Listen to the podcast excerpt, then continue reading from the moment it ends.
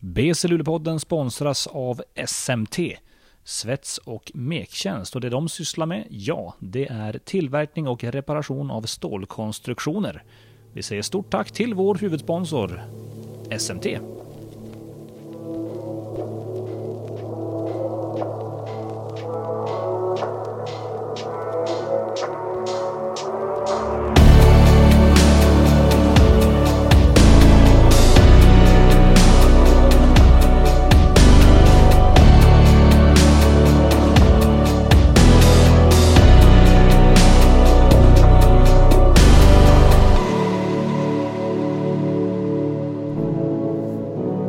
Hallå där basketvänner och varmt välkomna till avsnitt 99 av BC Luleå-podden med mig Max Wik och min vapendragare David Keso Nilsson.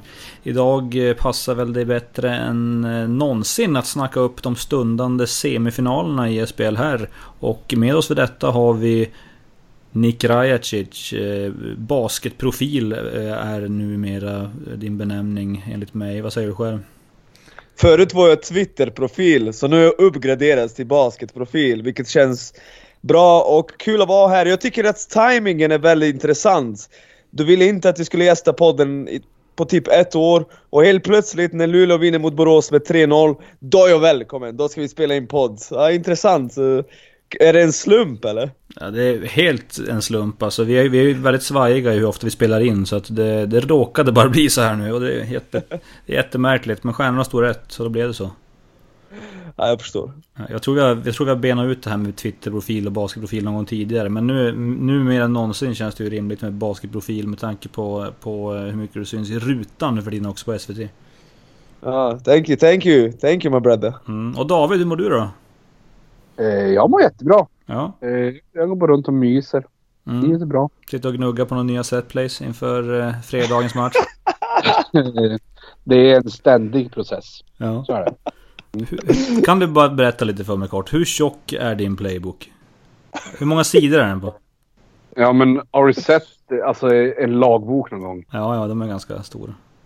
Ja, det är ungefär, ungefär samma. Och samma tjocklek på pappret också. Det är så här, om du hostar på pappret så går det sönder. Och så är det ändå typ så här en, en stabil en och en halv decimeter tjock. Ja.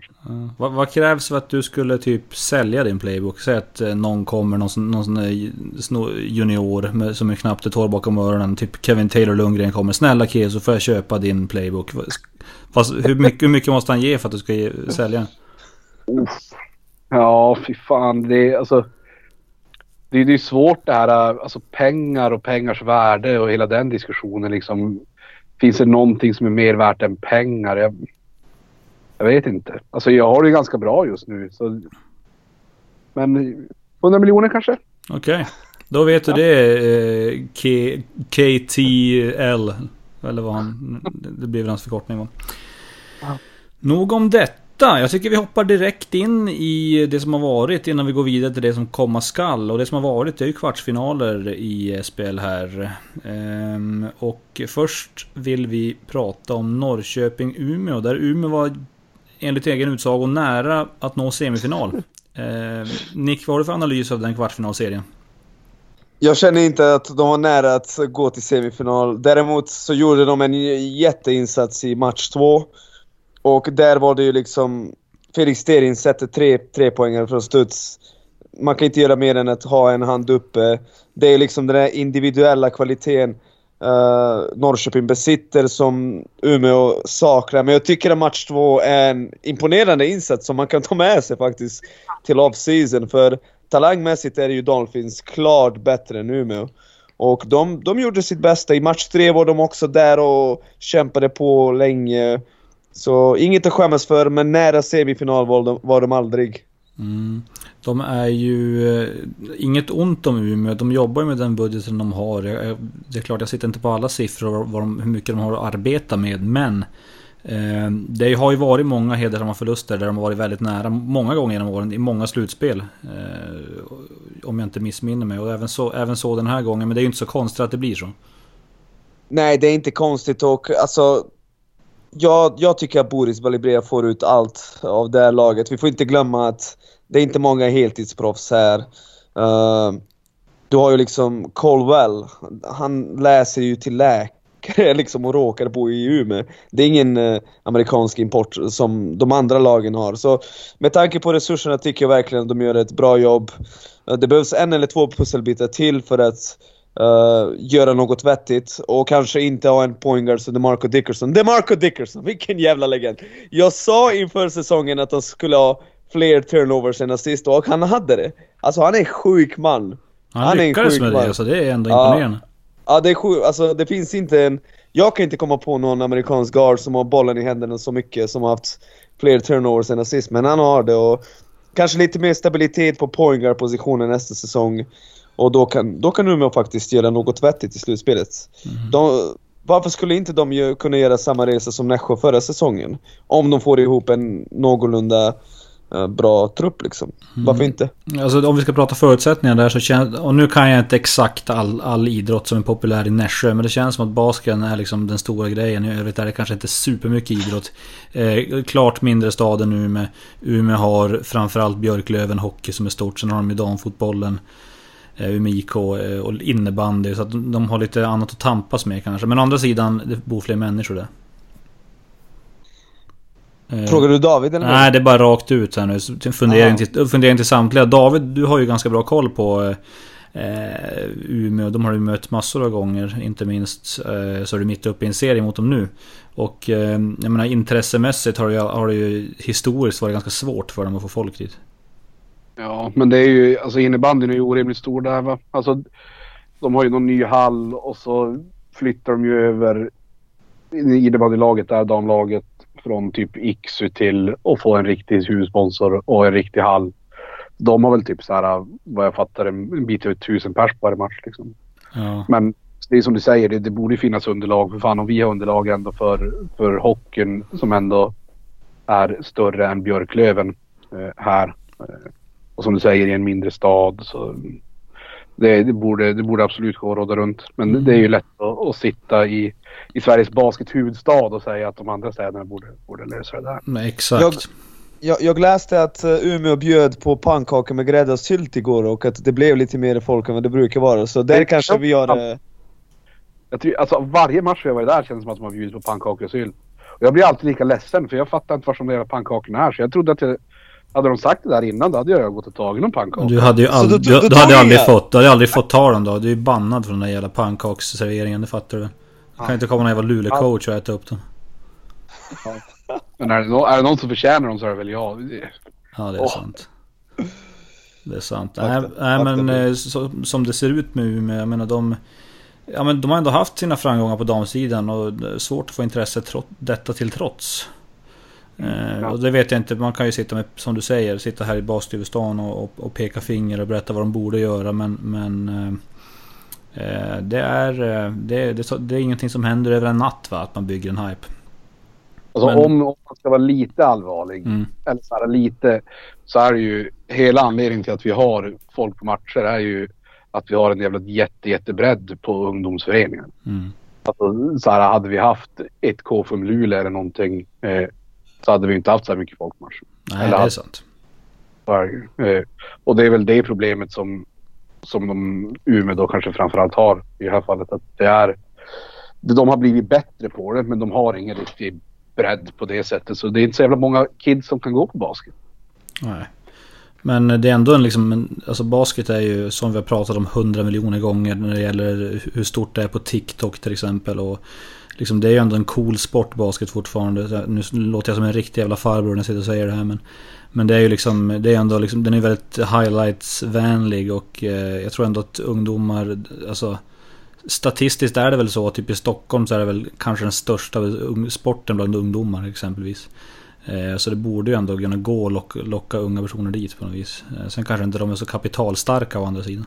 Nej, alltså jag håller inte med Davids analys. Vadå? Fryshuset har ju typ 4000 medlemmar och det finns eh, en miljon unga basketspelare i Stockholm. Hur många tittar på Alviks matcher? Eller? Alltså jag tror inte det är så enkelt David. Jag tror att Luleå hade tur. Det handlar om tur. Ni har aldrig gjort något vettigt, ni har aldrig ansträngt er. Det har bara blivit så. Och ja, det är därför ni har folk på matcherna. Men, Ja. men det där är faktiskt, jag hade en ganska bra diskussion, nu fastnar vi kanske i det här, men, men jag hade en bra diskussion med Jonas Fredriksson om det där efter eh, våran grundseriematch där, inte någon slutspelsmatch. Men de är ju fan, typ, de är ju bra på att faktiskt få dit kids i föreningen. Och nu vet jag inte hur många medlemmar Högsbo har, men, men det känns ju som att de får fan dit folk. Alvik gjorde ju det på tv-matchen, damerna. Eh, men sen, jag, jag förstår inte hur, hur lag som har en sån ungdomsverksamhet inte har mer folk på matcher. Alltså det är ett jävla mysterium för mig. Alltså den ekvationen borde ju vara en sanning överallt. Så Frysen borde ha folk på sina matcher om de har en miljard ungar i basket. Liksom. Så det är inte så enkelt tyvärr. Tyvärr. Hade det varit så enkelt så hade vi varit jättelyckliga men det, det är inte så det funkar. Ja. Det borde David, du kan det mesta så jag, jag, jag, jag håller med dig. Det borde vara så. Eh, men eh, då kan vi vända, vända blicken mot Norrköping som har gjort en motsatt resa. Eller motsatt resa. Umeå har väl inte gjort någon resa alls. De är, de är där de är liksom. Eh, men Norrköping har, har ju varit nere och vänt i, i, i, i inte ens vid ruinens brant utan vid, i ruinen. Eh, och eh, uppe igen nu och där jobbar man ju ganska mycket med att bjuda, med att bjuda in skolor exempelvis vet jag. Eh, för att få liksom unga människor på plats på matcherna och jobbar rätt mycket med marknadsföring också. Och det har ju onekligen burit frukt. Ja, liksom det är inte bara det utan de har ju liksom satsat på Norrköpingsprofiler och de har ju ganska många matcher det är gratis inträde och liksom de, de gör verkligen allt i sin makt för att få dit folk och har ett attraktivt lag som är som spelar publikfriande basket. Så, det, så det, är mycket, det är mycket jobb som måste läggas ner, det är mycket tid man måste spendera, man måste ha ett bra lag också. Du vet, alltså hade Norrköping legat sist i tabellen tror jag inte att det varit någon publikboom. Så ja, det är komplicerad ekvation. Och sen är det inte, det är inte jättedåligt för dem att de, de liksom vann guld inför, inför stängda dörrar. Folk fick knappt se matcherna och så kommer de ut. Fort, fortsatt jättefin satsning. Nu får folk äntligen se dem liksom. Så att det, Ja, eh, det. det. skadar ju inte så att säga. Eh, med det sagt, de gjorde vad de skulle. Norrköping vann med 3-0. That's it mannen. Så enkelt är det. Ja. Vi går vidare och då har vi Södertälje-Nässjö som... Eh, ja, hade man liksom fått se båda lagen skadefria hade det kunnat bli en riktig rackarrysare. Det blev det väl inte riktigt kanske även om, även om Nässjö lyckas vinna en match hemma. Nick, analys? Min analys är precis det du ser. Jordan Peltier var inte med, Zach Charles var med men han haltade ju omkring, han sprang ju inte ens. Och då blev det ju liksom att uh, Nässjös rotation var kortare. Sen får vi inte glömma att Jonathan Persson spelar inte för Södertälje och det är faktiskt väldigt tungt för dem. För de har ingen renodlad pointguard. Det är liksom Martin Palmblad och uh, Freeman som måste spela som pointguard. Så det är inte deras riktiga position och jag märker i slutet av matcherna liksom, när det blir lite tight så passar de bollen till Anton Gaddefors och bara varsågod kör mot henne. alltså, det, de, de har ju inte så många alternativ just när det kommer till uh, spelare som kan skapa liksom, och agera point guard. Så jag tycker att de gör det bra. Det är starkt att vinna med 3-1. De har fått in lite mer atletism nu med, uh, med Freeman. Freeman och Crockett och eh, det var det de saknade för de var så slöa och långsamma i början av säsongen. Det var pinsamt. Uh, så nu, nu är de bättre, de är ganska bra. Nässjö, som sagt skador. Jag, jag, jag ska vara ärlig, jag gillar Nässjö.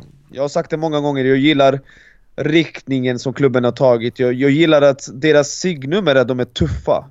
Det är det, alltså möter du Nässjö så vet du att du kommer få möta ett tufft fysiskt lag. Och det älskar jag liksom, att de har tydlig identitet och att man vet att varje gång de kommer ut att det kommer vara liksom fysiskt och svårt att slå dem. Det de behöver göra är att, alltså förra året bestämde de sig för att satsa på Walter Lindström och Jordan Peltier. De två skulle vara deras pointguards, både inför förra säsongen och inför den här säsongen. Och de har sammanlagt gjort två, noll sekunder i slutspelet på de här två säsongerna. Så jag, jag tror att Peltier tog ett kliv framåt, han kanske ska stanna. Men hur blir det med Walter Lindström? Vill han spela fortfarande? Om han vill spela, han är ju riktigt bra. Alltså han är ju underskattad. Den snubben hade kunnat vara skillnaden i en sån här serie. Men de kanske måste ta in en amerikansk PG. Alltså renodla point guard. För att ta, ta det där nästa kli, klivet faktiskt. Mm. Kommer du ihåg när de hade den här äh, amerikanska garden? Var det för, Jocke Kjellmans första år? Vad hette han? Nick Carter eller något sånt där? Nick... Fan ja, Nick, ja, precis. Nej, Nicholas Russell. Nick Russell, Russell Nick Russell var det just det. Han, ja. han, han gillade inte att passa bollen. Nej, ja, det var inte hans grej. ja, så inte en sån gard utan kanske mer... tänk mer... Eh, vad ska vi säga? Tänk med Derek Stevens som gjorde en månad i Plannja Basket säsongen 08-09. Vad hette han, uh, vad hette han som spelade för Norrköping förra säsongen? Som, alltså han var ju ganska... Han var ingen toppspelare men han gjorde... Kamau stå en sån snubbe typ. Du vet, någon som kan skapa lite på egen hand, spela lite försvar. De behöver inte mer än det liksom. Mm. Men vad, vad säger vi där? Vi, man, man, kan ju ana att Artay Ruffin blir kvar. Han blir kvar. Jag skulle gissa på att liksom Gams blir kvar. För Gams är ju bättre än vad han har visat i år. Den här armbågsskadan har verkligen påverkat honom. Uh, så jag tror att Gams stannar kvar. Alltså de kan behålla hela gänget. Ja, jag tycker verkligen det. Ledsen lär vilja gå vidare. Det har han aviserat men, eh, via sociala medier också. Att han, han number zero is out. number zero kan säga hej till mig när han ser mig på tåget. För jag sa ju hej till honom, han vägrade säga hej. Så nej men... Eh, jag skojar. Craig Lessen, han har gjort en bra säsong. Jag tycker han är lite för ineffektiv. Ibland gör han typ sådär 17 poäng på typ 18 avslut. Men uh, mot Borås äter han. Alltså mot Borås har han alltid buffé. Han kommer dit och gör 25-30 poäng och verkligen... Ja.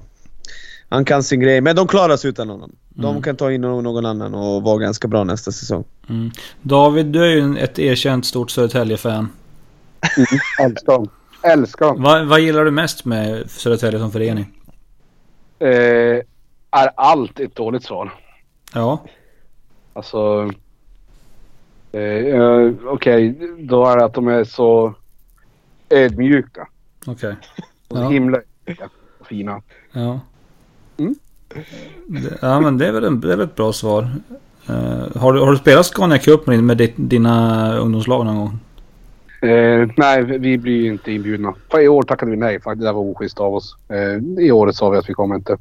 Eh, men och, eh, historiskt har vi inte blivit inbjudna. Vi är för dåliga här uppe. Tror du att, att den här eh, nej-tacket gör att du aldrig mer blir inbjuden? Eh, är det så så känner jag ju att det kanske inte är det värsta jag varit med om i hela mitt liv. Nej. Eh, men nej, det tror jag inte. Nej, du tror att du kan, du kan få nästa år kanske? Ja, kanske. När blir, när blir Scania Cup i år? Eh, det är väl nu i dagarna. Det är, det är, det är ju klassisk postturnering. Ja. Har du, spel, har, har, du spelat Scania Cup Nick? Yeah, nej, verkligen inte. Du, du hann inte göra det? Nej, och, nej. Du hade inte hunnit komma hit ännu kanske till Sverige? Exakt, exakt. Ja, nej. Scania Cup är så jävla bra någon mer. Alltså, jag, jag tror kvaliteten har gått ner lite grann. Jaså? Nu har det ju inte varit på några år. Nu har det varit covid, men... Jag har hört att det är den här Barents Games i Luleå har tagit över någon form av... Den har tagit ja. över stafettpinnen som, som Europas främsta basketturnering för ungdomar.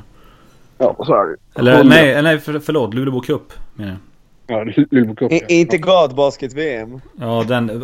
Jag säger bara så här. Jag säger bara. Eh, håll utkik. Gatbasket-VM is coming back i sommar. Exakt. Det var fan det jag tänkte. Visst är det på gång på riktigt? Ja, it's, it's coming back. Och eh, jag kan se, jag kan se X och Y har ett lag där ifall de, ifall de är riktigt snälla. ja, fy fan vad kul. Ja, nej men nu mycket sidospår här. Eh, Södertälje Nässjö, det, var, det blev vad det blev på grund av skador. Eh, jag skulle vilja eh, slänga ut ett rykte här. Och se om ni har hört någonting om det. Det går rykten om att eh, ja, de skulle ju värva då Södertälje. De började samla in pengar till fansens lirare. De fick ganska bra respons på kort tid. Drog väl in över en 100 000 om jag inte minns helt fel. Eh, och sen så Anledningen till detta var att Jay Crockett bara dök upp i Södertäljehallen, råkade gå runt där lite grann och så hade han någon Han hade någon eh, särbo eller något som bor i Stockholm eller Södertälje och så bara ja, vill du spela eller? Ja, okej okay då. Det är klassisk Södertälje-tur va? Tror vi, tror, tror vi att det är sant eller? Nej. nej, nej. Det, tror jag verkligen. Jag, ens, de behövde verkligen exakt sån lirare och jag har svårt att se att han bara råkade vara i Stockholm. Han, han, han, är, han är väldigt duktig måste jag säga. Jag gillar honom. Han är riktigt bra, riktigt bra spelare faktiskt. För, han är perfekt för svenska ligan. Ja, exakt. Eh, Jonathan Persson som du nämner, han är borta med... Han fick... Eh, var det en blodpropp i lungan där som efter... efter Nej, det var någonting med hjärtat. Eh, Just det, det var det. Samma som Simon Gunnarsson. Och det, var, det vet man inte om det var en effekt av att ha haft covid-19 eller hur det var. Jo, men det vet man. Man vet det, det okej. Okay. Ja. Mm. ja. Tråkigt för Jonte Persson. Eh, och det kan ju såklart bli ganska avgörande för hur långt de tar sig senare då vad gäller semi och eventuell final. Så är det. Så är det. Det om detta. Då går vi vidare och då har vi Jämtland Köping och eh, där, där utspelar sig en av, eh, en av ja, basketligan i modern tid sämsta matcher kanske. Eller tråk, tråkigaste matcher i alla fall. Alltså det sägs det, jag har vägrat se den matchen. Eh, det var ju riktigt, eh, riktigt low scoring fram till de sista fem minuter. Stod typ 40-40 när det var sju minuter kvar av fjärde perioden. Eh, det var illa. Jämtland är bättre, Jämtland vann. Köping, de började spela bättre i slutet av säsongen faktiskt. Jag tror att folk inte riktigt la märke till det. De började vinna matcher. Uh, de slog Luleå tror jag. Det gjorde de. De slog, Borås två, slog Borås två gånger. Uh, visade att det finns, det finns talang i det gänget men jag tycker fortfarande att det var en dålig säsong om vi tittar på helheten och uh, visst de hade skador men det hade alla andra. Nästa säsong måste bli bättre. De måste ta in en PG som Torbjörn Gerke kommer överens med för det var väldigt tydligt att de två inte riktigt... Ja, han kommer inte komma tillbaka till Köping. Och sen uh, Dominic Robb har de förlängt. Uh, Jordan Giles kan de också förlänga tycker jag. Jag älskar den snubben. Jag, han är faktiskt en av mina favoritspelare i basketligan uh, Jordan Giles och ja, behåller de de två och värvar några till lirare så kan de också hoppas på något större nästa säsong. Mm, det känns som att de gick in liksom i den här säsongen med känslan av att nu ska vi ta nästa kliv och, och så blev det inte riktigt så. Men, precis, alltså för två, uh, 2020 när Corona avbröt säsongen så var de ju hur bra som helst. De var två eller tre i tabellen. Två tror jag va? Till och med. Ja. Nej tre, tre. tre, ja, tre, tre, tre vi var två. Borås var etta, Luleå exakt två. De var tre och du vet förra säsongen efter trodde folk att det där skulle fortsätta liksom, de folk i Köping. Men sen fick de lite reality check. Ändå!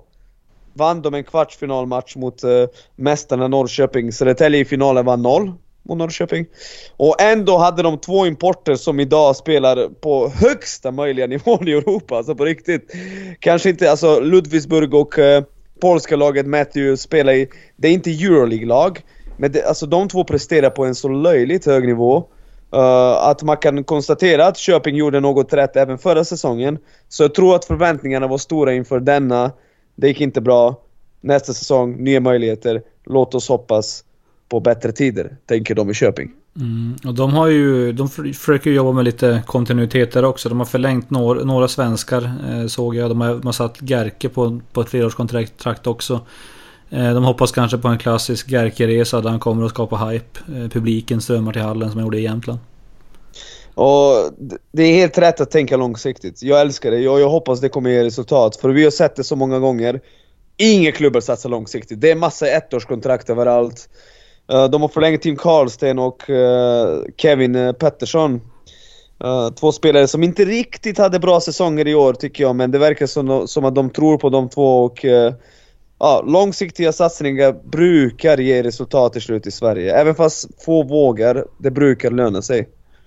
Mm, jag, jag hade faktiskt inte jättemycket eh, studerat Kevin Pettersson svinmycket eh, inför den säsongen. Lite koll hade man ju. Eh, men jag trodde, jag trodde han skulle få ut lite mer faktiskt. Men, men eh, det, så kan det vara som första året i ligan och så nu, nu kommer han, kom han vakna till liv. För han har ju...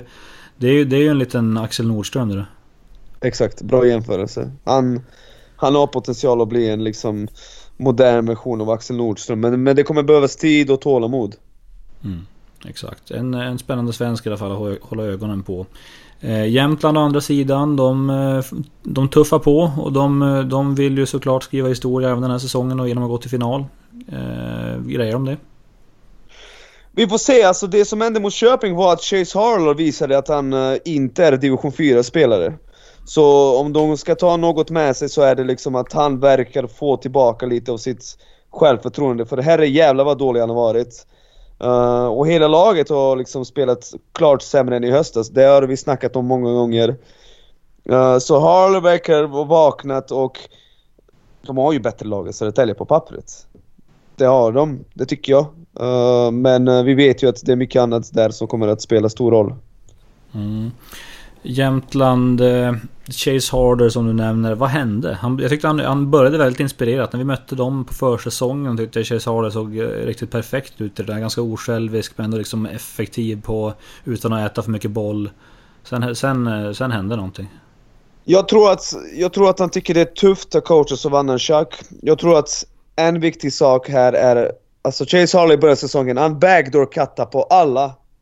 Hela jävla tiden. Alltså det var ju löjligt hur mycket poäng jag fick på backdoor cuts när folk somnade i försvar. Och du vet, när man scoutar en spelare flera månader, då fattar man liksom och säger till försvararen okej, okay, håll koll. Liksom han kommer försöka gå bakom din rygg.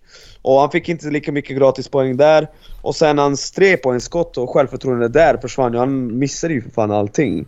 Så jag tror att det är kombination av att folk börjar läsa honom och att hans självförtroende sjönk drastiskt. Sen kanske lite, lite mer konkurrens på den positionen när Keith O'Mara kom in där också. Ja fast jag vet inte fan för att de... Alltså Anna Chuck vill spela honom. Anna Chuck vill att CJ Wilson ska sitta 10 minuter per match och att Harlow tar liksom PG-rollen i några minuter. Men det, det har inte riktigt funkat. Mm, han har lite att bevisa fortfarande. Men han, han kommer ju... Han har inte jättemycket meriter i ryggsäcken när han till. Han spelar väl typ i litauiska division 2 innan han kommer till Jämtland. Andra ligan, exakt. Ja. Andra ligan i Litauen, ja. Så att... Eh, ja, David, du var på väg till Östersund. Du var nära att krita kontrakt med Östersund när de spelade i eh, division 1 en gång i tiden. Öster, Östersund. Östersund. Ja, Östersund. Förlåt, förlåt. Mm. Ja, berätta. Ja. Jag, vet inte, jag vet inte hur intressant det var. Jag var och hälsade på. Det är en vettig förening. Eh, det är ju inte samma förening på herr och damsidan va? Nej, det är det inte. Nej, så, så det, ju, det var ju för damsidan jag då skulle krita på. Mm. Men så blev det inte. Nej, har, brukar du någonsin tänka på det där som ett sånt här sliding doors ögonblick? Och vad, hade, vad hade hänt med livet om du hade sagt ja? Jag skulle säga att det har nog hänt ganska exakt noll gånger. Ja. Efter det. Det sjuka var ju att du, tack, du tackade nej till dem och så två veckor senare skrev Adam Rönnqvist på för Jämtland. Ja, hade jag vetat det innan då vet du fan alltså. Det är det enda sättet jag har tänkt på det. Ja. Då hade man fan kunnat det, det ska jag inte sticka under stol med. Ja. Vilket lag håller du som favorit i årets basketliga David? Eh, ja, går det att säga något annat än Norrköping och låtsas att man kan någonting? Nej.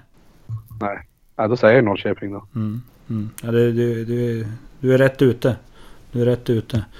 Um, och vi har pratat klart om de semifinalerna. Kan jag tycka, eller kvartsfinalen kan jag tycka. Och då, och då är det ju semifinal som, som väntar mellan Jämtland och Södertälje. Den känns ju... Du, du säger Nick att de har eh, bättre lag eh, Jämtland. Jag vet inte fan om jag är så jäkla inne på det. Däremot...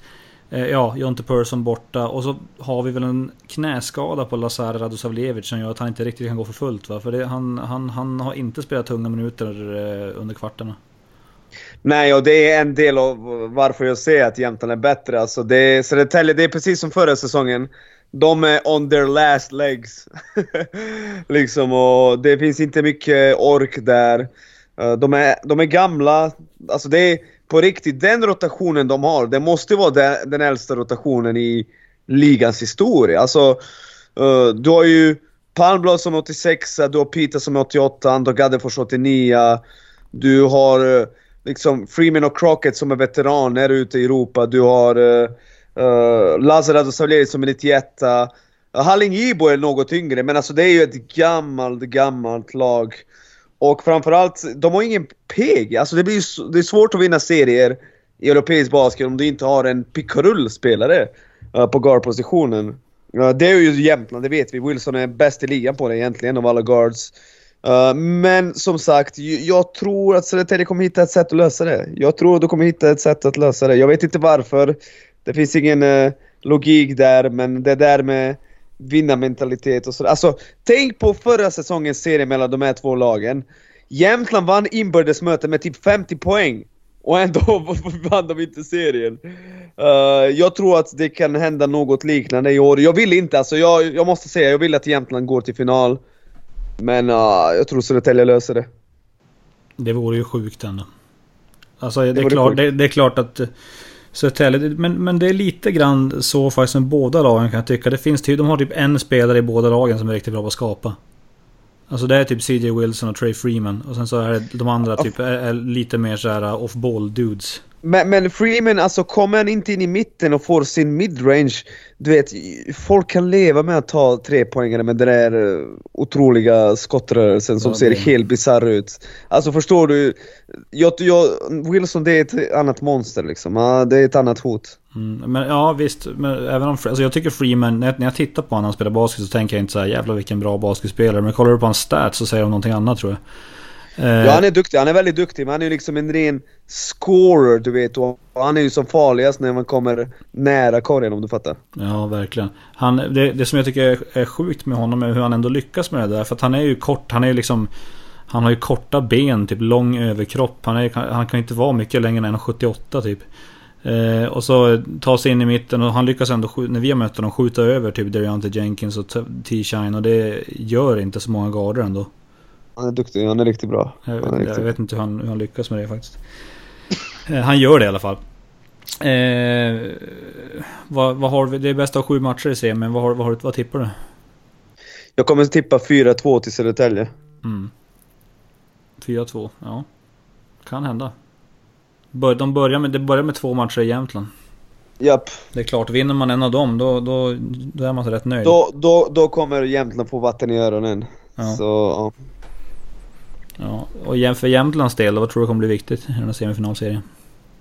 Alltså att inte själv... eh, alltså att inte... Att inte liksom uh, skjuta sig själv i foten. Helt enkelt för att någonstans tror jag att det där gänget Alltså de är ju bra, Jämtland är bra, de har bra lag, de är stora, de är fysiska, de är starka. De, de har skytte, men det är det som är grejen, du vet senast de här två lagen möttes så ledde egentligen med 20 poäng och sen ställde Södertälje upp med någon jävla trasig, trasigt zonförsvar de aldrig tränat på. Där eh, Crockett gjorde massa damage i mitten och större, och de kunde inte sätta ett skott! Trots att de har Artie Quinn, trots att de har Felix Edvardsson, trots att de har liksom skyttar. Folk, alltså om du, om du tänker efter, alla i deras lag kan sätta en öppen trepoängare. Men helt plötsligt satt det inte så... Om de vinner den här serien, jag kommer gärna äta upp mina ord. Jag kommer äta upp dem med glädje. Jag kommer säga jag är dum i huvudet, jag hade fel. Jag kommer göra det. Men, eh, ja. Vi får se. Ja, det, det, det var intressant när, när, man, när man såg dem ställa upp den där klassiska gubbzonen där och eh, RT Win sköt typ två tre poängare på hela matchen. Och så blev, istället stod Danny, Danny Johansson i hörnet och bara eldade. Exakt så var det faktiskt. Ja, det är spännande, spännande hur det kan bli. Men så blev det. Ehm, så är det. Det blir också en kamp mellan, eh, mellan ett lag som har snittar 100 personer på läktaren och ett lag som eh, brukar vara starkt eh, vad gäller publik. Lite svagare i år tror jag. Men de ligger ju ändå runt sina 14-1500 åtminstone. Ehm, så att eh, det är klart, spela... Alltså är det verkligen så svårt att spela i Södertäljehallen som folk säger? säger? Täljehallen heter den förstås. Nej, jag tror det handlar bara om att Södertälje brukar ha bra lag. Ja, Det finns ex- exakt, ingenting som är svårt med att möta dem borta. Nu har de till och med korrigerat eh, korghöjden så man kan inte ens spela på det. Så är det, så är det. Hur fan gick det där igenom när de spelade typ Europe Cup och, och sådana grejer? Ja, jag kan, jag kan berätta för dig, för de här korgarna var inte låga. Eh, Det, det är så det gick till. Nej men vad fan. Jag har, jag har sett det själv med egna ögon. Jag har sett, jag har sett en 12-årig pojke som precis tar under sidan av, pl- av plankan på låga korgar gå in och dunka på deras öga. Jag har sett Tim Kearney göra windmills. Det stämmer inte, det var ju 305 korgar. Sen kanske de var lite böjda, men alltså hade, hade, hade de här kurvorna legat i Nässjö hade du aldrig brytt dig. Tro mig. Tro mig. David, kan Tim Kearney göra windmill på en vanlig korg? Nej. Nej. Kan han göra det i Täljehallen? Ja, det kan han. Det är, det, det är jävla facts och det, det är rock solid logic. Ja, det är en enkel ekvation. Ja. Eh, det, man, det man kan säga om Södertälje, du pratar om Jämtland där att liksom alla kan dra i öppna skott. Men i Södertälje är det ju verkligen så. Det känns som att de har, ja det är, bortsett från Freeman så känns ju varenda spelare som en bra trepoängsskytt. Möjligen, möjligen då Halling Ibo kanske inte drar i så mycket, jag vet inte. Jag blir chockad varje gång någon Södertälje-spelare missar en trea. Ja. Alltså jag säger, jag blir chockad, jag bara oh shit, va? Hur fan är det möjligt? Alltså det, ja. Någonting är det med de här korgarna. Verkligen. Och så kommer vi till... Eh, alltså, har, har du märkt att jag har sparat en kvartsfinalsserie för övrigt? Ja, ja det har jag märkt. jag vet inte. Det, det blev bara så. Men eh, jag tycker vi tar den första. Vi hoppar, vi hoppar lite tvärt, förlåt. Det är mitt fel. Eh, Har du den eller glömde du? Nej, jag glömde den faktiskt. Men det låter ju bättre att säga att jag sparar den. Eh, och det var Luleå mot Borås. Och det var 180 set plays vs kanske 8 set plays. eh, och det blev 3-0 till 8 set plays. Vad hände? Uh, David, såg du serien? Uh, inte utförligt, lite stötvis här och där. Okej, okay, men då kan jag börja. Mm. Uh, det handlar om detaljer liksom. Det är små detaljer som avgör det. Uh, det är liksom en förlorad returkamp här, en uh, onödig turnover där. Det är det det handlar om. Det är game of inches brukar, de prata, brukar vi prata om. Uh, framförallt så gör man det i amerikansk fotboll. Det är game of inches och uh, de här millimeterna var på Luleås sida den här gången. Vilket gjorde att de vann den här serien i snitt med typ 28 poäng. Nej men uh, det är bedrövligt alltså. Det är bedrövligt, bedrövligt dåligt. Först och främst, Luleå, jag har sagt det många gånger. Jag hatar er allihopa men den här, alltså, det här laget, man måste fan ge det creds. För uh, det är ett begränsat lag. Det är ett lag med kort rotation. Det är ett lag som startade säsongen uruselt. Alltså, folk skrattade åt Luleå i början av säsongen. Det är lätt att glömma nu, men folk garvade och trodde att det var den sämsta upplagan av ett Luleå-lag någonsin. Och sättet de växt på under säsongen liksom och, och vad coach Peter Ökvist får ut ur, laget är ju väldigt imponerande. Alltså, och sen att avsluta kvartsfinalen med att skjuta 24 av 35 från, trepoängslinjen är ju fantastiskt. Uh, Denzel George sätter 3 av 3 liksom och... Uh, nej men det är... Hatten av. Men sen får vi inte glömma att Borås hade ett sensationellt dåligt lag. Och det blev ju väldigt tydligt ju längre säsongen gick. Ingen kunde spela försvar. Det är, alltså, det är först och främst det. De löste aldrig försvarsfrågan. För eh, folk bara gjorde narr av Borås på planen. Liksom det, det var ju lätt säsongen runt att göra poäng på dem. Uh, och det är bara rätt att det kulminerar med att släppa in 24 poängare Och Borås ska egentligen vara glada för att, eller inte vara glada, jag tar tillbaka det. Men de, sjukt nog, så har de tur i att damlagets liksom ut, alltså att, att de lämnar damligan, att det blev en stor nyhet. Och att Jerebko och Gates blev en stor nyhet. För nu fokuserar ingen på hur otroligt usla de var. Uh, det var en tuff säsong liksom och jag har skrivit det i min krönika men det finns inget att ta med sig från den här säsongen. Uh, det kom ingen ung talang som visade något nytt. Det var ingen import som man vill behålla och tänker ja men den där grabben kan vi bygga kring. Det är inte så att coacherna visade något nytt utan det var ju, de, de, körde, de gjorde inte justeringar. De kör sitt droppförsvar i, i försvaret, de, de har en miljon liksom anfallsvarianter i anfallet som inte funkar och det, det, det, det är inte coachernas fel det inte funkar. Det är ju spelarna var väldigt begränsade, det var dåliga importer, bla bla bla. Men jag vill sammanfatta det med att säga att det var en totalt meningslös säsong och nästa säsong, framförallt med tanke på vad de uh, bestämde att göra med damlaget, alltså det bästa de visar något riktigt bra för det var pinsamt i år. Men det viktigaste av allt, shoutout till Luleå som verkligen, verkligen överpresterade. Faktiskt. De överpresterade, de är jämna. Uh, jag vet att de inte varit i grundserien, men i, i kvarten så fan jävlar vad de körde över Borås. Ja, det mest intressanta med upp, årets upplaga av BC Luleå är jag tror att jag tror att 11 av 12 spelare kommer från Skurholmen och jag tror att 10 av, 10 av 12 kommer från Ringgatan. Ja, det är bara egna produkter, ja. sjukt nog. Ja. det är imponerande. Det är få lag som vågar göra en sån satsning. Och sen liksom Jenkins resa också. Han kom ju dit, så han, uh, var urkass i början av säsongen och nu visar det sig att han en av de bättre spelarna vi haft i ligan på att skjuta över folk. Alltså helt ärligt. Uh, vi vet ju att JJ Miller var riktigt bra på att skjuta över folk. Uh, vi vet att... Uh, vad hette garden som spelade i Borås? Han var sjuk på att skjuta över folk. Vad hette han? Vilken säsong menar du nu? Förra säsongen. Borås hade en guard, alltså han, ju, han, kunde inte sätta en öppen tre men det, det var en hand i ansiktet missade han inte. Åh, oh, vad, vad hette han? Woodson! Ja, Avery, Avery Woods, Woodson. exakt. Och liksom Jenkins är ju den nivån liksom. Du kan spela bra försvar, du kan ha hand upp i ansiktet, han kan fortfarande sätta den. Och jag tror faktiskt att uh, Norrköping skulle göra rätt i att antingen sätta Tim Schübe på honom Och liksom, var, han, kan, han kan inte liksom contesta hans skott eftersom han inte är lika lång, men han kan störa honom innan han får bollen. Eller någon eller längre lirare.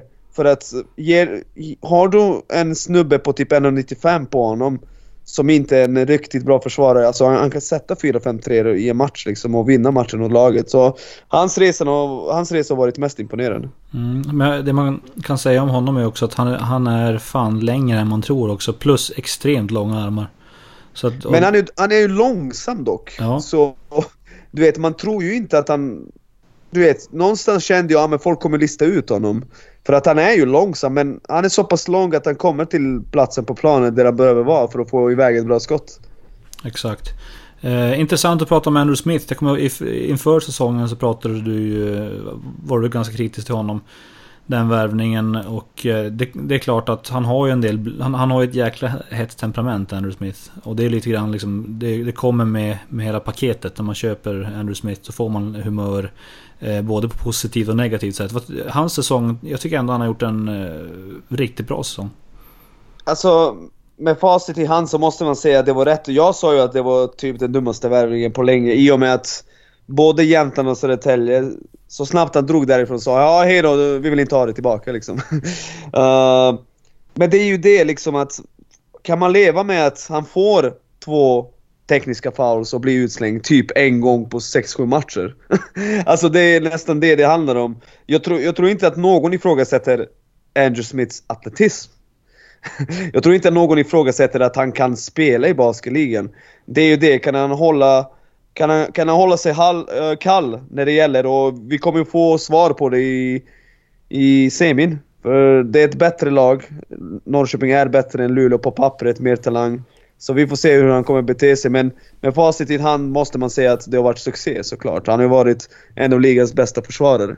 Mm. David, vad, vad, du sitter ju ibland med mig på pressläktaren där och, och, följer min emotionella resa under säsongen. Ja. Uh, det är en jävla berg dalbana ska vi säga. Det är det ju. Vad tycker du då om eh, säsongen som BC Luleå har gjort?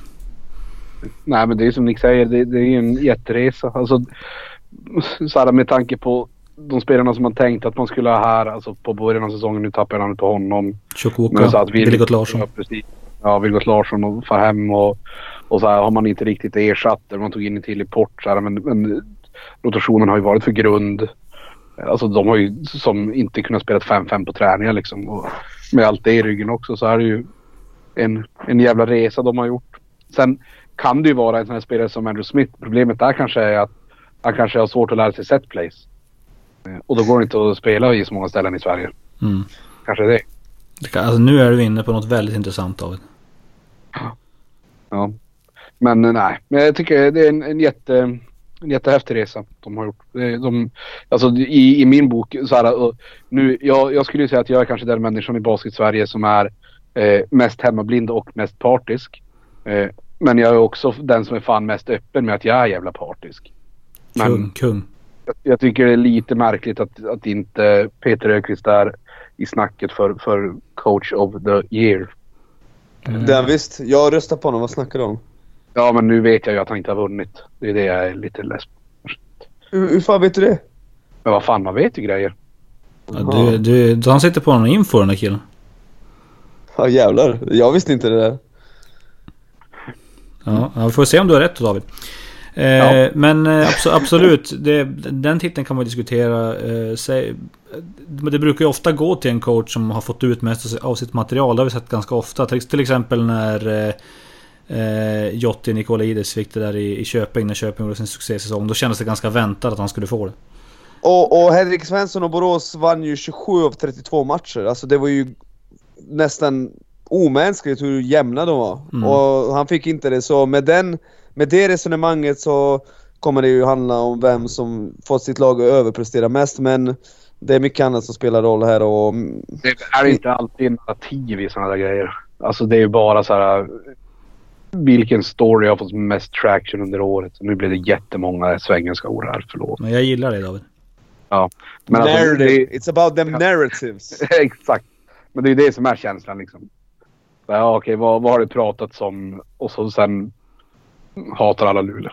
Mm. Ja, det, det, man, man, måste, man måste älska det. Som Dennis Aulander säger. Man måste älska det. Ja. Så är det. Eh, han måste bara bas, bask in the glow. Glow in the bask, vad det nu heter. Jag glömmer alltid bort. Eh, nej men eh, det om detta. Det, det är ju så att vi har en eh, semifinalserie mellan Norrköping och BC Luleå som börjar också då imorgon. Har BC Luleå överhuvudtaget en minsta lilla chans att göra någonting i den här serien? Vad säger du Nick? Svaret är ja. Men jag skulle säga att det är 85-15 till Norrköping. För Norrköping, jag älskar det här laget. Jag tycker att det är nog, jag har sagt det innan, i början av säsongen var det inte många som höll med mig men sen ju längre säsongen gick så insåg eh, många att det är en av de bästa trupperna vi har haft i Sverige. Den bredden de har är ju fantastisk. De, de, de hade klarat sig i Fiba Europe Cup. Alltså helt ärligt, jag tror verkligen det. Uh, så det är väldigt mycket talang. Det Luleå måste göra är att Uff, det, alltså, vad fan ska man, det är så många hot och man kan inte säga ja men se till att sakta ner spelet, du vet det där tråkiga svaret när man möter Norrköping, för Luleå vill springa. Men någonstans tror jag att nyckeln kommer vara att försvara trepoängslinjen och liksom En spelare som Brandon Tabb, vi vet ju att han kan komma in från bänken och göra 20 poäng Alltså på typ 7 minuter. alltså mannen är ju helt galen. Men han har haft skador, han har inte spelat mycket i kvarten. Om man inte kan prestera liksom som man brukar i, i semin, då, då är mycket vunnet ändå för Luleå. Då kan, då kan man kanske vinna en, två matcher, få Norrköping att få vatten i öronen och sen hoppas på det bästa. Men eh, skulle jag betta idag så skulle jag säga 4-1 till Norrköping. Mm. Brandon Tabb har ju gjort sina kanske bästa matcher för säsongen mot oss också. Eh, under grundserien så har han varit, så han var ju riktigt bra mot oss när han har spelat. Sista matchen var han inte med när vi vann. Eh, hemma. Från min synvinkel, säger att Brandon Tabb är lite småskadad i ljumsken som jag har hört att det är. Eh, bromsa Nathan David, Felix, Felix Terriens, det är klart. Det blir ganska viktigt. Ja, det är så många hot, så Ja. många hot. Och sen har du liksom Jackson Rose som är kanske ligans bästa spelare, vi har inte ens nämnt honom. Eh, så det, det är många hot. Många hot. för min del så ser jag hellre att det blir någon jävla stång, liksom boxnings, brottningsmatch mellan Bryce Duvier och, eh, och eh, Jackson Rowe än att, än att de får börja elda, elda tre på break liksom. Exakt så är det. Exakt så är det liksom. Eh, för att om du ska hålla på och springa så kommer du förlora. Alltså om det blir trepoängstävling, det går inte att spela mot Norrköping. Det, alltså de är så snabba och atletiska. Uh, det inte går. Men jag håller helt med dig. Det, det, det är succéreceptet. Att liksom passa in bollen till Bryce Duvier, få Jackson Rowe komma och hamna i fallproblem. Och få, få Norrköping att tveka, om det går. Mm. Ja, det ska bli spännande att se. Det är... Eh, ska bli kul att komma till en sån anrik förening och eh, eh, fantastisk basketstad. Och eh, en klubb som just nu är nummer ett i Sverige på alla punkter egentligen. Och där, där vi bara kan komma som en... Som en, eh, jag vet inte vad, en liten snorvalp som bara är här för att se och lära. Ja, det är... Norrkö... Norrköping är faktiskt uh, där och nafsar på den här första platsen som baskethuvudstad. Har precis snott RIG från Mark. They're coming for your asses Max. They're coming for you. Ja, alltså de, de, kan, vinna, de kan vinna alla... De kan vinna alla titlar de vill och hej och hå. De kommer vi vet ju, eh, fa, fakta 1 vet vi, de kommer inte vinna SM-guld på de sidan i år. Fakta 2, de, de, de kommer inte ha lika många, liksom den bredden vi har i ungdomsspelare. Så där, de två kommer de få jobbigt med att liksom komma förbi oss. Men däremot vinna, vinna guld på här sidan, det, det kan de ju uppenbarligen göra. Varför kan de inte vinna på damsidan? Ja, ja David, vad, vad, jag, vad säger du om Norrköpings chanser? Visst, visst kan de vinna? Ja, konstigare saker har ju hänt. Exakt. Ja, Så är det väl. ja ni, ni får sitta där och vara mjuka allt ni vill. Jag säger, jag säger bara som det är. Att, Ja. I tell it like it is. Ja, men det, allting kommer ju kokas ner till hur många set plays har Sandberg, Sandberg Nilsson i sin bok och, hur och hur många har Kevin Tere Lundgren eh, i sin bok. Och det där, eh, jag vet inte. Jag har inte, jag har inte sett... Jag har, jag har ju försökt liksom tjuvkika över axeln på din playbook David, men eh, Kevin Taylor Lundgrens vet jag inte mycket om. Alltså vi, imorgon ska vi ha träning mellan 13 och 20. Vi ska ha sju timmar träning imorgon. Mm. Walking talk och bara gå igenom en ny playbook. Så, så det blir jävla åka av på fredag. Åh jäklar. Men ni, kommer ni visa allt då på, på fredag mot, eh, U- mot A3? Eller? Ja, alltså vi hinner ju inte. Det är bara 100 possessions på en match liksom ungefär. Ja, ja. Vi då räknar med att ha 400-500 setplays liksom så, så snackar vi att eh, det, vi, vi kommer ju gå igenom dem då liksom. Nu planerar vi de 100 vi ska spela på fredag. Ja. Och sen planerar vi förhoppningsvis då att vi kanske vinner en och så sen Ja men då har vi 100 för nästa match och 100 för nästa match och 100 för nästa match. Har ni, har ni liksom förbestämt innan en match att possession 1 då gör vi det här spelet, possession 2 då gör vi det här så alla så de vet liksom? Så att man inte behöver fundera liksom vad man ska hitta på. Utan Ja. alla vet att okej nu är det pos- possession 39 då ska vi spela setplay 39. Liksom. Ja. Och så är det så. Och sen kanske ni mixar om det där sen om ni, om ni kommer till final, vilket jag tror ni gör. Då, så liksom på, då gör ni så att på possession 39 då spelar ni setplay 23. Och då blir Då blir, då blir fan ställda de blir då alla Ja, då kommer de inte veta någonting. Luleå har ett riktigt bra setplay som heter Brook tar bollen och gör mål. Ja, Fun- fun- Funkar väldigt ofta faktiskt. ja, Ja, det är hög, hög poäng per possession på just det. ja. Ja. Ska vi ranka? Ska vi bara... Topp tre power ranking just nu.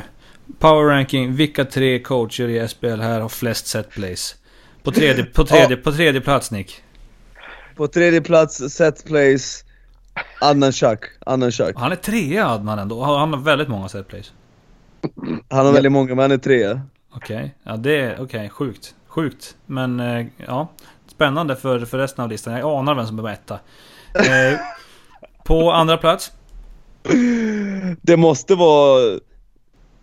Ah, inte Kjellman, för Kjellman alltså... Han har ju ett gäng men det känns ändå som att han kör samma om och om igen liksom. Mm. Ah, några han litar på. Måste se Ludde Degenäs. Måste se Ludde Degenäs. Han har också många i, i sin bakficka och eh, kan till och med...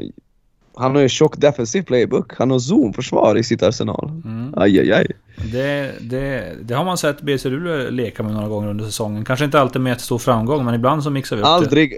Jag, lyssna, inga lag i ligan spelar bra zonförsvar. Nej. Jag, jag har inte sett ett ligalag spela bra zonförsvar på typ 10 år. Man märker att de inte tränar på det. Det kommer ju verkligen bara för att försöka förvirra motståndarna och inget annat. Mm. Spännande. Och nu drumroll på första plats med flest setplays i SPL här. Henrik Svensson, han eh, har eh, det riktas som upp mot 40. Eh, och du vet, det där med att ha 40 setplays funkar jättebra när du har Elba Fridriksson som PG och Marcus Dyer som tvåa. Mm. Men när du har dåliga spelare så kan du ha 40 000, det kommer inte leda till något så ja. Men det är ju lite så när man går på restaurang det där med, med setplays. Om man kommer in till en restaurang och ser man Oj, de har 45 000 olika rätter. De gör thaimat och de gör pizza och de gör palt och de gör cross-cooking med bearnaise och hela faderullan. Då vet man att det är en jättebra restaurang. Nej, men tänk, men tänk om, om de här rätterna inte smakar gott. Tänk om Ja, det inte smakar gott, vad händer då? Ja, det är väldigt få restauranger som behärskar både eh, cross-cooking med, med, med thai och bea och även en riktigt bra palt. Ja, det är typ... Ja. Jättefå restaurang. Det är möjligen restaurang Waldorf. Ja, det är de. Möjligen. Ja. Ehm, innan vi wrappar upp det avsnittet så måste vi prata om det... eh, vi kan inte blunda för det hetaste ämnet i... Ja, kanske sen basket uppfanns i Sverige. Eh, ja, det, är ju, det är ju inte ett skämt, det är ju Det det. är sant, det är sant. Det är sant. Jag, jag, jag har aldrig sett så många människor engagera sig i basket och det är ju det faktum att Jonas Jerebko valde att skriva på för CSKA Moskva. Eh, här vet jag att du har en del tankar Nick. Du har ju, du har ju pratat om det här i hundra olika forum. Precis, och nu har det gått en vecka sen det hände, exakt en vecka och eh, jag tror att alla vi är överens om att det var ett dumt beslut och tondövt beslut Mm. som påverkar hela hans arv. Hans arv blir komplicerat helt plötsligt. Från att ha varit fläckfritt till att vara komplicerat. Och det är något som kommer påverka hans framtid också. Jag tror det blir svårt för honom att göra comeback i svensk basket. På något, alltså vill han vara sportchef, vill han jobba på förbundet, vill han spela i landslaget igen, det kommer bli svårt. Med det sagt tycker jag ändå att två saker har stört mig på väldigt mycket. Nummer ett, att folk säger att han gör det för pengarna. Han har tjänat ihop 400 miljoner under sin karriär. Han behöver inte de här sju veckorna i CSKA Moskva för att bli rik. Alltså, det är inte därför han drog dit. Det vet jag att han inte gjorde därför. Och nummer två är ju liksom att folk fördömer Jonas som människa. Det, det gör ont i mitt hjärta. För att eh, om det finns en idrottare i Sverige som verkligen har skött sig själv både på planen och utanför plan med dignitet så är det fan Jonas Repko. Där han gjorde dumt. Det han gjorde var väldigt tondövt. Det är oförlåtligt. Det kan vi hålla med om eh, och, och så vidare men jag tycker fortfarande det är lite jobbigt att folk inte fokuserar på att kritisera beslutet utan fokuserar på att kritisera människan Jonas Repko. Ja det blir väldigt snett och jag, som sagt var jag, jag är ju inne på samma linje som du är och det är ju liksom Ja vad ska man säga, man, man trodde inte riktigt det var sant först. Det var ju, det var ju folk som, eh, ja, någon skrev, eller flera har ju skrivit liksom, är det, eh, första april är imorgon och så vidare. För man tänkte att det kan ju inte hända. Eh, men det hände och det är svårt att förstå hur han resonerar. Med det sagt, med det sagt liksom, man, man hoppas ju att... Det, har, det går liksom rykten om att, om att folk, om man har ju sett på hans sociala medier att folk är inne liksom och, och verkligen, verkligen liksom går till attack mot honom och hans familj. Och det, det känns ju verkligen inte okej. Det förstår man ju inte hur, hur människor resonerar alltså. Nej, det, det är jobbigt och du vet, jag kan tänka mig att det är jättejobbigt för hans föräldrar. Jag menar, de har varit så stolta över honom och nu helt plötsligt när de går, när de går liksom, jag kan tänka mig att de får massa obekväma frågor, alltså förstår ni? Jag, det han gör, vi ska kritisera beslutet, det finns inga ursäkter här, det finns ingen bortförklaring, vi ska kritisera det. Han måste veta att, det ska att, att han förtjänar den kritiken. Men jag tycker att det har verkligen vid vissa tillfällen eskalerat och Ja, det känns dåligt i och med att han är svensk baskets främsta ambassadör någonsin. Alltså han är den bästa någonsin. Så är det. Eh, det har vi konstaterat och det har många, många med oss konstaterat. Och idag kom det ut, fick man se de första bilderna, har ju börjat spridas såg jag. Eh, på, på när han eh, har på sig CSKA-adressen på plats i Ryssland. Eh, och, och, det som kommer hända nu liksom är att nu kommer folk följa alla matcher han spelar i. Nu kommer folk följa alla hans steg. De kommer följa väldigt noggrant varje gång han kommer till Sverige. Framförallt i början. Och jag vill ha publicitet för basket men kanske inte på det sättet liksom. Så är det, så är det. Har ni något mer som ni vill tillägga innan, innan vi eh, knyter ihop den här säcken? Men David, alltså jag vill snacka med David om slutspelet i basketligan dam, ja, SBL, dam. Gör, kör, kör, kör. David, uh, jag kommer kommentera dina matcher i finalen, om ni går till final. Mm. Varför ska jag inte toksåga dig och Robin Sandberg? Ge mig tre anledningar. Vi gör en ny topp tre-lista. Varför ska jag inte toksåga er? Därför att vi är jävla fina killar. Alltså jag tycker att, nu är jag partisk, men jag är en av de trevligaste människorna jag någonsin har träffat. Det är du, det är du. Eh. Otroligt trevlig. Mm. Och... Eh, ja, that's it liksom. Så det, det är din topp tre-lista, att, att du är trevlig? Ska du, ska ja, du... jag, är också en, jag är också en jävel på att rita setplays utan penna. Sa jag? Sa jag? Och en alltså, till. En till. Um, vi skulle bli ledsna om du sågade oss. Och du glömde nämna att ni har torskat två matcher på typ eh, 12 månader. Det, det, är också värt att nämnas. Just det, den tänkte jag inte på. Mm. Jag, jag, gick till, jag gick direkt till alla mjuka värden. Ja, det är sånt du jobbar med. Ja, precis. Um, jag, jag, tror inte på sådana här mätbara saker. Vi har släppt in 300 poäng färre än alla andra i år. Um, mm. Vi har förlorat två matcher. Vi, ja, sådana där grejer. Du går direkt på känslor. Mm. Men eh, tror du att det är någon, alltså för, för att det är så. Jag har hört ryktas om att du har rit, i ett avgörande läge i en match ritat upp ett setplay med dina fingrar, ingen penna. eh, stäm, ett, stämmer det här? Två, hur många andra coacher i ligan tror du skulle behärska det här? Alltså, eh, för det första ingen. Alltså, ja. alla använder ju pennan som en krycka liksom. Ja. Jag säger, kan, kan du inte förklara ett setplay med ord, då kan du inte förklara ett setplay alls. Då kan du inte göra det med penna heller. Ja. Eh, så, eh, men det stämmer, när Robin blev utkastad mot A3 så var jag tvungen att köra sista spelet med, med fingrar på tavlan. Eh, är, det därför också... ni, är det därför ni inte ens fick iväg ett skott? Ja, exakt. Exakt. jag sa inte att det funkade, jag sa bara att jag gjorde det. Eh, så, jag ska också säga att eh, Håkan Larsson följde med mig när, när, vi var till Rom och spelade lite matcher mot italienska lag med Luleå Basket Ungdom. Mm. Eh, då tror jag att vi spelade, vi spelade tre matcher mot, mot hyfsat motstånd eh, ändå. Eh, och jag rörde inte en whiteboardpenna på hela resan. Det var bara fingrar på tavlan som for kors och tvärs och fy fan. Det är imponerande. Det är som man bildar basketspelare. Setplays är bara en krycka för folk som inte har några fundamentals. Det, det är en krycka för de talanglösa. Ja, exakt. Exakt. Har du några fler frågor Nick? Till David? Uh, nej, nej, nej det är ungefär det. Jag, jag har en fråga. Hur är vädret i Luleå? Ja, det är strålande Ja. sol. Ett nyckfullt har det varit idag. Jättefint på eftermiddagen. På förmiddagen ville jag bara lägga mig under bordet på kontoret och gråta. Okej. Det är, det är lite... Det, det, ska snöa hela veck- det ska snöa hela veckan. Hittills har det gjort det och det ska fortsätta snöa hela veckan ut.